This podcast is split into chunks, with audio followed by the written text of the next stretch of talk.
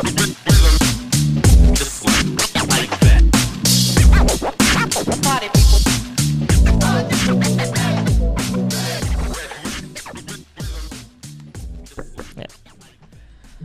lagi di Football Five Talks bersama gua Iksan Wanda dan Anda Bang Wanda. Kita kembali di Bermula Studio. Mm-mm. eh kali ini kita akan ngebahas soal apa apa sih? Eh review review, ini ya. liga liga liga Liga-Liga Eropa, karena, Karena- sek- sekarang lagi jadi internasional pas kan, jadi ber- berhenti. Jadi kita nge-review sedikit sampai beberapa ada yang udah nyampe pekan ke-7, pekan ke Eh, pekan delapan ke delapan ada ya, pekan ada. Prancis kayaknya. Prancis, Prancis, Prancis mau dibahas juga kayak malas banget. Gak usah ya. Gak usah. PSG doang tapi Iya. baru kalah kemarin. Baru kalah cuman lu lihat tuh peringkat lu lihat masih jauh, jauh banget. Kayak gak ada lawan. Walaupun iya ya, lah 8 pertandingan 7 menang, Tujuh menang. 1 kalah. Udah. padahal mainnya juga biasa aja gitu. PSG. Gak ada ya.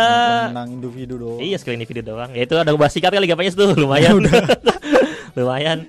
Ah, jelas yang pertama kita bahas mungkin Premier League. Premier League Sejauh ini gimana, Bang? 7 pertandingan ya. Tahu berapa sih? Mulai 7 ya? Iya, 7. 7 pertandingan menyisakan eh, satu klub yang belum terkalahkan, Liverpool. Iya. Cuman eh, bedanya Liverpool eh, dua kali imbang. Cuma dua lawan tim gede, dua-duanya. Ya, Ya. eh, lawan Chelsea, Chelsea lawan eh, City. City gitu. Dan memang perbedaan poinnya kan satu poin ya sama siapa? Sama Chelsea sama gitu Chelsea. kan. Cuman memang kalau eh, dilihat Chelsea ini eh, dia baru ketemu lawan bagus itu ya kemarin lawan City ya dan Hmm. itu juga kalah gitu kan. Dan kalau gua lihat sih eh, untuk persaingan musim ini sejauh ini yang udah eh, tujuh pertandingan berjalan sih bakal seru banget karena per- eh, jaraknya ini kan nggak terlalu jauh ya, Hmm. terlalu jauh. Eh, Chelsea eh, 12, Liverpool 11, eh, City juga 11 gitu. Cuman eh, lagi-lagi nih yang seperti musim-musim yang sesudahnya kalau kita lihat ini MU yang masih eh, inkonsisten gitu. Di awal musim langsung ngegas sempat menang 5-1 apa 6-1 lawan Leeds Lawan United. Leeds. Ah, tapi setelah itu eh, drop lagi. coba lagi. Setelah kalah dari Young Boys eh, di Liga Champions, Hmm. balik ke Liga Inggris kalah lagi ternyata sama Ya. eh, Aston Villa ya. Hmm. Aston Villa dan kemarin terakhir lawan apa? Lawan eh, Everton Everton. nyaris kalah eh, karena Everton udah cetak eh, dua gol cuman yang satu lagi kan dianulir karena offset gitu Hmm. dan itu eh, apa ya kayak menunjukkan bahwa MU ini memang eh, sebenarnya tim angin-anginan Ya, secara permainan. secara permainan Ah. angin-anginan kalau secara dia squad mah, tergantung ini tergantung eh, eh, individu pemain kalau Iya. kalau gua lihat ya kalau eh, kalau musim lalu satu orang Bruno Fernandes ngedrop udah semuanya ngedrop gitu Hmm. dan musim ini jadi kayak eh, ngelebar kayak eh, Bruno Fernandes ngedrop yang eh, Ronaldo-nya ikut ngedrop Hmm. Sokjernya keputusannya juga ikut ngedrop kemarin tiba-tiba cadangin Ronaldo dan mainin siapa Eh, Martial gitu Ah. walaupun Martialnya cetak gol Hmm. tapi kan secara keseluruhan itu kan eh, jadi kayak eh, kayak perjudian besar ya Hmm. di eh, eh, Sokjernya gitu apalagi sejauh ini Sokjer eh, selalu ditekan sama yang oleh out lah oleh Ah. in kan udah banyak gitu Iya. setiap MU kalah selalu ada itu oleh out gitu dan itu yang memang harus dibuktikan oleh sekarang apakah dia bisa membuat MU konsisten di papan atas eh, konsisten untuk menang terus gitu Lalu mungkin ada, kita bahas sedikit tim yang mengecewakan sedikit ada Arsenal. Ya Arsenal- sebenarnya sebenarnya sejauh eh, ada peningkatan ya Ada peningkatan. Ada peningkatan sebelumnya. ada peningkatan setelah eh, setelah Aaron Rams, Ramsdale Ramsdale, dipercaya iya. sebagai kiper Arsenal belum terkalahkan sejak Aaron Ramsdale jadi kiper Dan beli Tomiyasu. ya beli Tomiyasu itu Dan beli Tomiyasu. eh, Uh, gua pribadi sih Iya. agak kaget ya kenapa Arsenal beli Tomiyasu ya. Secara permainan oke Tomiyasu, Oke. tapi kan dia ini datangnya dari Bolonya gitu, Bologna. dari Serie A dan kalau kita lihat uh, selama ini Arsenal uh, punya cerita yang nggak terlalu Iya. bagus sama pemain-pemain Pemain dari. Asia. Jepang apa lagi? Jepang apalagi setingkat apa Inamoto aja Inamoto, bisa Inamoto ada tiga Inamoto, Asano sama Mia, Miyaichi ingat? Miyaichi. Miyaichi ingat? Miyaichi. Miyaichi. Dia itu gagal langsung ya gagal bahkan jangan main aja pun jarang gitu. Iya. Tiga sekarang jadi andalan di uh, bek kanan bek kanan Arsenal kan emang walaupun si si Tomiyasu tuh kalau lo tau di di di timnas Jepang dia bek tengah dan emang aslinya bek tengah sebenarnya. Cuman di Bologna dia di bek eh, bek tengah sebelah Bek kanan, nah. bek kanan sebelah kanan. karena formasi 3 back ya. Iya, pos tiga back. Jadi dia emang emang versatile sih. Jadi cuman emang Arsenal secara permainan meningkat walaupun kemarin gue lawan lawan Brighton gue nonton ya Itu memang habis diserang habis. Habis, sama habis, iya. sama Brighton memang diserang habis. Cuman eh, lagi-lagi Aaron Ramsdale Iya. eh, bermain cukup apik ya di apa di pertandingan kemarin.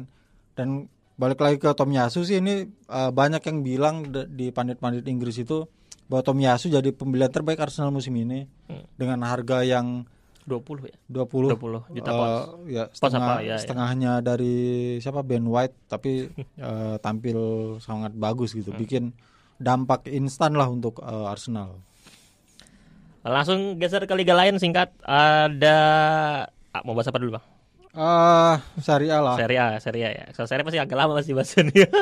Serie A jelas eh, eh, Napoli, Napoli satu-satunya tim di top 5 Eropa yang selalu menang. gila banget ini Napoli Emang- nggak ada yang menyangka Iya. mereka cuman beli si Anguissa Anguissa itu keren banget loh tapi loh, Anguissa loh. Iya. Ah, keren banget Anguissa itu. Ternyata. padahal eh, padahal kan dari Fulham ya dia dari Iya, musim lalu dari Fulham. Fulham Hmm. Uh, dan uh, Fulham itu terdegradasi tapi Hmm. ketika pindah ke Napoli justru makin ngeri mainnya. Hmm. Jadi apa ya kayak kalau Spalletti bilang ini apa ya kepingan yang hilang dari Napoli selama ini ya Iya. ada di yang bisa kalau kata Spalletti dan Setelah sejauh ini terbukti. gitu. setelah ja- setelah Jorginho mungkin ya. Iya. setelah kehilangan Jorginho mungkin ya itu si Anguissa itu yang dibutuhkan. Cuman memang sih ya masih kita lihat lagi sih Spalletti kan punya penyakit dia di Dia- pertengahan ya, turun gitu ya, turun tiba-tiba Di AS Roma di Inter, Inter Milan yang gitu. gua inget ya, yang di Inter inget, dia tujuh pertandingan pertama itu enam kali menang sekali seri Ya. sekali seri tapi sekalinya imbang di terutama wak- waktu udah masuk Desember nih, iya udah drop. ngedrop ya. Apalagi kalau kita lihat musim ini Napoli memang gak banyak beli pemain, cuman Iya. ya itu aja si Anguissa aja Hmm. yang dibeli. Terus ada di peringkat dua ada Milan yang gua gua memprediksi Milan di atas Inter loh. cuma gua tuh kemarin cuma gua tuh. Ya, ya, sejauh ini sih benar sejauh ini. Sejauh ini benar. Dan secara performa emang, Memang wah, bagus. eh, bagus sih. Beberapa memang beberapa eh, paling ada beberapa pertandingan dong yang eh, standar kayak lawan Spezia atau kayak lawan, lawan tim kecil malah yang standar. Tapi saat lawan tim kemarin lawan Atlanta terakhir eh, walaupun ya dibantu dua blunder ya, dibantu dua, blu- dibantu dua blunder. Secara permainan emang emang bagus banget. Eh, Mil- eh, Milan terus eh, beberapa pemain yang musim lalu menge bukan mengecewakan ya standar lah ya. Kayak Sandro Tonali terutama terus si Leo. Leo tuh memang bagus sebenarnya dari cuma si Leo tuh permasalahan di finishing dari dulu. Dia sih di- sama kebanyakan sama gaya sih, iya dribbling dribbling speed bagus banget jo. Finishing ampun ampunan sekarang musim Iya. ini sih bagus. Dan sejauh ini si si Ante Rebic yang jadi striker pun o- oke lah oke lah ya gantian Giroud dan Zlatan dan bahkan gue merasa kayak Milan nggak nggak nggak butuh dua Butuh itu banget. ya iya nggak nggak butuh banget Karena kalau kita lihat dari musim lalu gitu kan, Iya, si Milan Zlatan juga- beli iya. eh, Milan beli eh, terutama pemain yang udah veteran ya, iya kayak Ibrahimovic, kayak ma- musim lalu Mandzukic. Hmm. Tahunya dua-dua cedera. Dua-duanya Sekarang cedera. keulang lagi sama eh, ya Giroud. Ibra mungkin masih, Ibra masih ini bawaan musim lalu ya cederanya. Sekarang Giroud Giroud juga cedera cedera sempat positif juga iya. kalau nggak salah. yang kemarin. ada si Pietro Pellegrini Pietro Pellegrini. Belum kelihatan sampai Nggak, sekarang. saya nggak kelihatan emang nggak pernah kelihatan Belum belum pernah main ya? main. Oh, main. main beberapa kali. La- lawan Los Spezia main. Cuman ya itu pas main juga kagak jelas gua nggak bohong bang Mungkin mau jadi Patrick Cutrone iya baru. makanya Petro Pellegrini itu. Cuman memang ini sih memang secara tim luar terutama kipernya sih Mike, Mike Ya, Mainan itu. Hmm. Mike Mainan gila sih gua. Gua nonton uh, Milan Liverpool. Ya itu kalau nggak ada mainan mungkin Milan Hmm. udah kalah 5-2 kayak kayaknya. salah satu pembelian terbaik musim ini mungkin bahkan gue sebagai Dan kita berdua sebagai ngakuin tentunya fans Milan udah uh, dengan senang hati melepas Iya. Donnarumma karena dapatnya ya ya kualitasnya bisa dibilang setara. Iya, kalau secara prestasi ya ya masih ya Donar ya si mainnya walaupun juara Liga Prancis kan di compare Donnarumma yang juara Euro sama eh, mainnya gitu. Tapi balik lagi sama yang kayak tadi Isan bilang soal uh, beberapa pemain yang musim lalu B aja sekarang.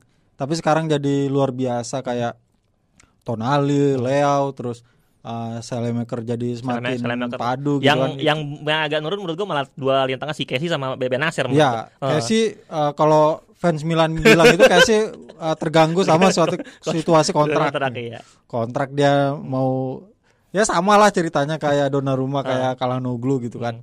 Jadi eh, terguncang mungkin Hmm. Iya. eh, mentalnya tapi ya itu tadi secara eh, permainan sih le- sekarang lebih eh, condong ke Tonali kalau Hmm. Tonali. gue lihat ya. Dan Brahim Diaz jangan lupa. Ya Brahim Diaz semakin eh, bagus dia lebih eh, semakin sering menjadi pembeda di pertandingan-pertandingan AC Milan gitu. Hmm. Dan itu apa ya kalau gua lihat jadi eh, kejelian tersendiri dari seorang Pioli ya. Iya. Bisa membangkitkan eh, pemain yang musim lalu sebenarnya nggak terlalu kelihatan. Terutama Tonali ya balik, Iya, balik Tonali, kita balik ton- ke Tonali. Tonali karena musim lalu ini kan pemain pemain muda eh, rising star Hmm. Racing Star. ekspektasi tinggi Ekspektasi tinggi. tapi eh, gagal tapi mus- musim ini ya mungkin udah terpengaruh sama bewok juga ya Iya. jadi bagus mainnya Cuman ya itu Milan ya uh, apakah performanya akan menurun lagi di pertengahan musim ya kita lihat nanti. Kita lihat kita lihat nanti. Uh, lalu ada Inter. Nah, ada Inter yang Inter. sejauh ini sejauh ini sebenarnya performanya sebenarnya sebenarnya bagus-bagus aja Bagus, sebenarnya. bagus, bagus, bagus aja. bagus Cuman- aja sebenarnya. Eh, lagi-lagi performa bagus Inter di Serie A tercoreng sama di Liga Champions Iya. walaupun sebenarnya permainan di Liga Champions juga nggak jelek Nggak jelek. tapi ya keberuntungan aja ma- mungkin mentalnya belum nyampe Eropa Iya. kali ya iya, cuman ya ya mana uh, secara permainan Inter nggak ya uh, beberapa nggak apa ya Inter itu uh, dalam berapa udah berapa sekarang tujuh Liga Champions dua sembilan pertandingan tuh Inter tuh nggak punya nggak nggak pernah berada di dalam situasi yang bener-bener kak bener-bener jelek banget begitu Iya. sepanjang pertandingan nggak bener-bener nggak pernah lawan Atalanta pun bisa dibilang uh, Inter bisa menang Atalanta juga bisa menang gitu lawan Sampdoria yang seri juga Inter uh, masih bisa punya banyak Iya. peluang sebelum akhirnya Sensi ngelawak gitu. Uh, terus ada dan jujur ya gue lebih suka permainan Inter sama Inzaghi sekarang Inzaghi daripada eh, sama Conte. Walaupun gue fansnya Conte gitu sebagai pelatih ya. Iya. Sebagai pelatih gue ngefans sama Conte. Tapi sekarang melihat permainan Inter sama Inzaghi lebih apa ya lebih cepat mainnya nggak maksudnya nggak nggak nunggu bola kan kalau Iya. musim lalu terkesan kayak cuman apa beberapa pemain jalan-jalan Kalau gitu. kalau Conte gini bang biasanya dia dia kan main main dari belakang sama kan Iya. ya. Cuman dia kalau ke pressing full full langsung Ah. ngoper Lukaku. Gitu. itu itu ketahuan banget. Iya, si kalau- makanya makanya kayak lu lihat si Skriniar katanya sering biar pas ya. Iya orang Skriniar dulu musim lalu kalau di pressing langsung ngoper ke Lukaku. Ini Iya. kan gak ada Lukaku di depan. Si Kalau sekarang screener lu lihat ma- masih berani maju ke depan Ya, Skriniar bawa, overlap, bawa- iya, bawa bola ke depan apalagi ya Ba- Barella makin makin Makin- jadi iya, mainnya lima terus assist. eh, apa si Ivan Perisic, Perisic dan yang gua suka lagi dari Inzaghi ini dia nggak buang-buang waktu untuk mengganti pemain. asli itu itu kelebihan itu itu Lo kalau ngelihat misalkan Conte gitu ataupun Iya, kita ngomong Klopp, kita ngomong Conte sama Jurgen Klopp. Hmm. Mereka ini biasanya ganti pemain itu menit 80-an. Iya 70 80. 75 80-an Iya, lah. eh. Lo lihat Inzaghi itu Kemarin lawan Dan lawan Sassuolo lah contoh. Sassuolo. lah. Menit 56 loh. ya. Dan itu langsung empat pemain. Main. Dia jarang gua entah apa ya.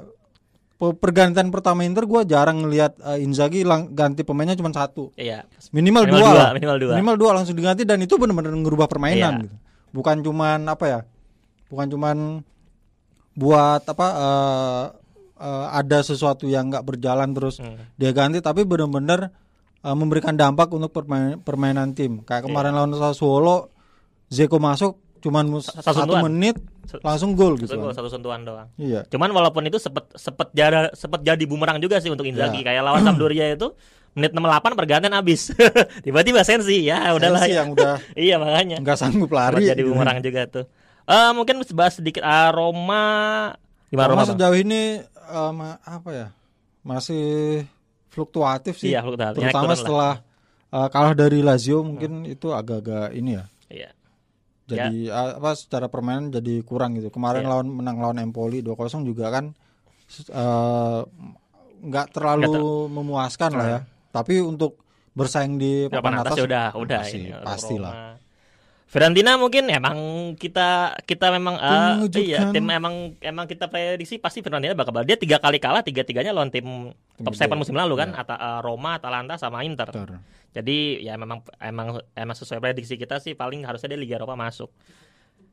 Lazio Lazio eh, setelah menang lawan Roma malah dibantai Iya. Bolonya 3-0 itu eh, apa ya rada aneh sebenarnya. Cuman- Tapi ya mungkin ini eh, apa salah satu kekurangannya Mauricio Sarri ya. Hmm. Udah apa udah menang sekali menang sekali di pertandingan penting tapi setelah itu ngedrop. Tapi gue yakin sih Lazio bakal eh, apa menang lagi sih di Iya. pertandingan beri- berikutnya itu. Itu mungkin karena karena apa ya? eh anomalinya Sarri aja sih sebenarnya. Karena selama ini juga kan dia sering begitu. Juve, nah Juve nih bang. Untuk Juve, Juve ya prediksi kita juara. prediksi juara tapi Berarti prediksi football fester itu Iya. kutukan. Iya. kutukan. Cuma itu sebelum CR pindah ya. gue lagi membela itu sebelum CR pindah ya. Gue gue membela kan. Cuman Juve ini kan walaupun ya secara skor, secara hasil meningkat ya. Cuma secara permainan kan terlepas dari kemarin lawan Chelsea ya. Lawan Chelsea. Lawan Chelsea gila itu sih tapi pertahanannya. Cuman emang eh, secara permainan Juve masih tipikal Allegri lah, Iya. tau, main pragmatis. Dan Eh. kalau gua lihat di eh, Twitter ya memang banyak yang bilang fans-fansnya Juventus itu bilang ya Juve sekarang ya udah balik lagi ke ke era Allegri. Era Allegri. Yang penting Main menang. je- iya main jelek ya bodo amat yang penting penting menang. udah menang gitu. Yang penting menang. Itu untuk Juve nah mungkin nek eh, lawan Roma pekan depan tuh mungkin seru mungkin Hmm. Allegri lawan Mourinho.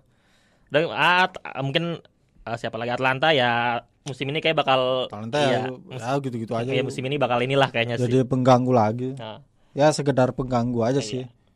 La Liga, La Liga Madrid pertama sama Atletico oh, ada tiga tim yang potensi. Nah ini menurut gua nih untuk La Liga musim ini apa prediksi gua ya Hmm. bisa ada kejutan sih. Maksudnya kejutan tuh yang juara tuh belum tentu trio Madrid Atletico Barca sih karena mengingat performa semuanya ya eh, tiga tim itu apalagi Ba- kalau Barca ya yang ya, eh, Barca ya lihat aja nanti Madrid Madrid eh Gue per- berharap Sevilla sih. Sevilla. Gua Dia, berharap dia dari apa ya dari transfernya bagus. Iya. Maksudnya tepat tepat sasaran ya. Hmm, ada Rafa Mir, ada siapa eh, Argentina tuh. si ini Ah, Lamela. Lamela ya Lamela maksudnya bagus-bagus gitu. Eh, dan eh, kayaknya cocok aja sesuai dengan kebutuhannya Julian Lopetegui gitu. Iya, cuman ya memang dari kayak Madrid Atletico kan secara performa, secara permainan ya, secara permainan kan juga sebenarnya kan biasa aja gitu. Biasa aja. Eh, terus Sociedad yang gue juga gak pernah nonton ini Sociedad sih, cuma tiba-tiba gue kaget dia lihat poinnya sama kayak Madrid Atletico. Cuman ya itu prediksi gue sih emang ada bakal mungkin ada bakal ada peluang lah untuk tim selain Barca Atletico Kalau- sama Ma- Madrid juara. Pertama kalinya dari jam 4. Sociedad ya, kalau Sociedad eh, kayaknya sih bakal turun karena musim lalu juga dia kan sempat begitu ya. Di di pekan keberapa Hmm. itu Sociedad sempat eh, ada di puncak klasemen. Tapi ujung-ujungnya Oh, iya. jatuh mulu sampai apa di Liga Eropa entah masuk entah enggak. Sociedad masuk Liga Eropa dia, masuk Masuk masuk masuk Liga Eropa. Sociedad. Cuma iya ya- dari maksudnya kan eh, yang digadang-gadang seenggaknya bisa di empat besar tahu-taunya justru eh, turunnya ke Liga Eropa gitu kan itu Hmm. Eh, ya soal konsistensi dan ya, kelas aja sih Iya. bedanya. gue gue kaget lihat lihat Villarreal gue Villarreal ini iya gue kan tahu dia kan tak terkalahkan kan cuman gue Tapi- gue gak nyangka dia berat sebelah gue kemarin pas pas bikin itu oh oke Villarreal Villarreal. Villarreal nggak terkalahkan gitu. iya kira gue at least peringkat lima enam lah gitu ya Iya, peringkat peringkat 11 sebenarnya lima kali dua menang. Eh, Barca nah ini Barca ini yang bisa dibahas banyak ini sebenarnya ini gue nonton beberapa pertandingan Eh, yang seru sih, yang seru sih yang Sri lawan itu tuh Sri lawan Kadis. gue nonton itu seru, itu itu seru banget sih maksudnya. Maksudnya Barca serang mulu itu, serang mulu gitu. Dari segi permainan kan emang eh, terus lawan Kadis sama lawan apa ya? Gue juga lawan Granada. Lawan Granada Yang main long ball asli crossing crossing asli, sampai asli itu kan cross- eh, crossing terbanyak Barcelona crossing setelah berapa tahun berapa gitu tahun kan. itu itu dia masuk ke eh, si si Pique kan cadangan tuh. Hmm. dimasukin jadi striker di 70 masuk dia masukin Pique lu dia wah udah long, long crossing crossing. Wah gua, wah ini apa nih gue bilang nih? Barca kayak gini. Cuman memang secara memang ya kalau dibilang krisis sih banyak yang bilang krisis ya. banyak. Memang Dari- krisis dari segala Da- dari segala macam. Barca ini kalau gue bilang kayak di sini kayak PSS ya. Manajemen diantem, pelatih diantem, pemain juga Iya. eh, kena cibiran gitu. Ya memang eh, apa ya masalahnya ya di situ kayak Kuman nggak bisa ngangkat timnya terus Hmm, eh, skuadnya banyak yang cedera. iya dan Ah. bisa main muda semua Ya manajemen juga ya masalah finansial udah Nah. dari musim lalu gitu kan Kalau- sampai sekarang kan masih eh, membekas gitu ya walaupun manajemen udah Nah, iya, beda ganti, udah ganti beda. presiden tapi tetap aja sisa-sisanya masih ada dan ini eh, apa berdampak langsung ke eh, performa tim.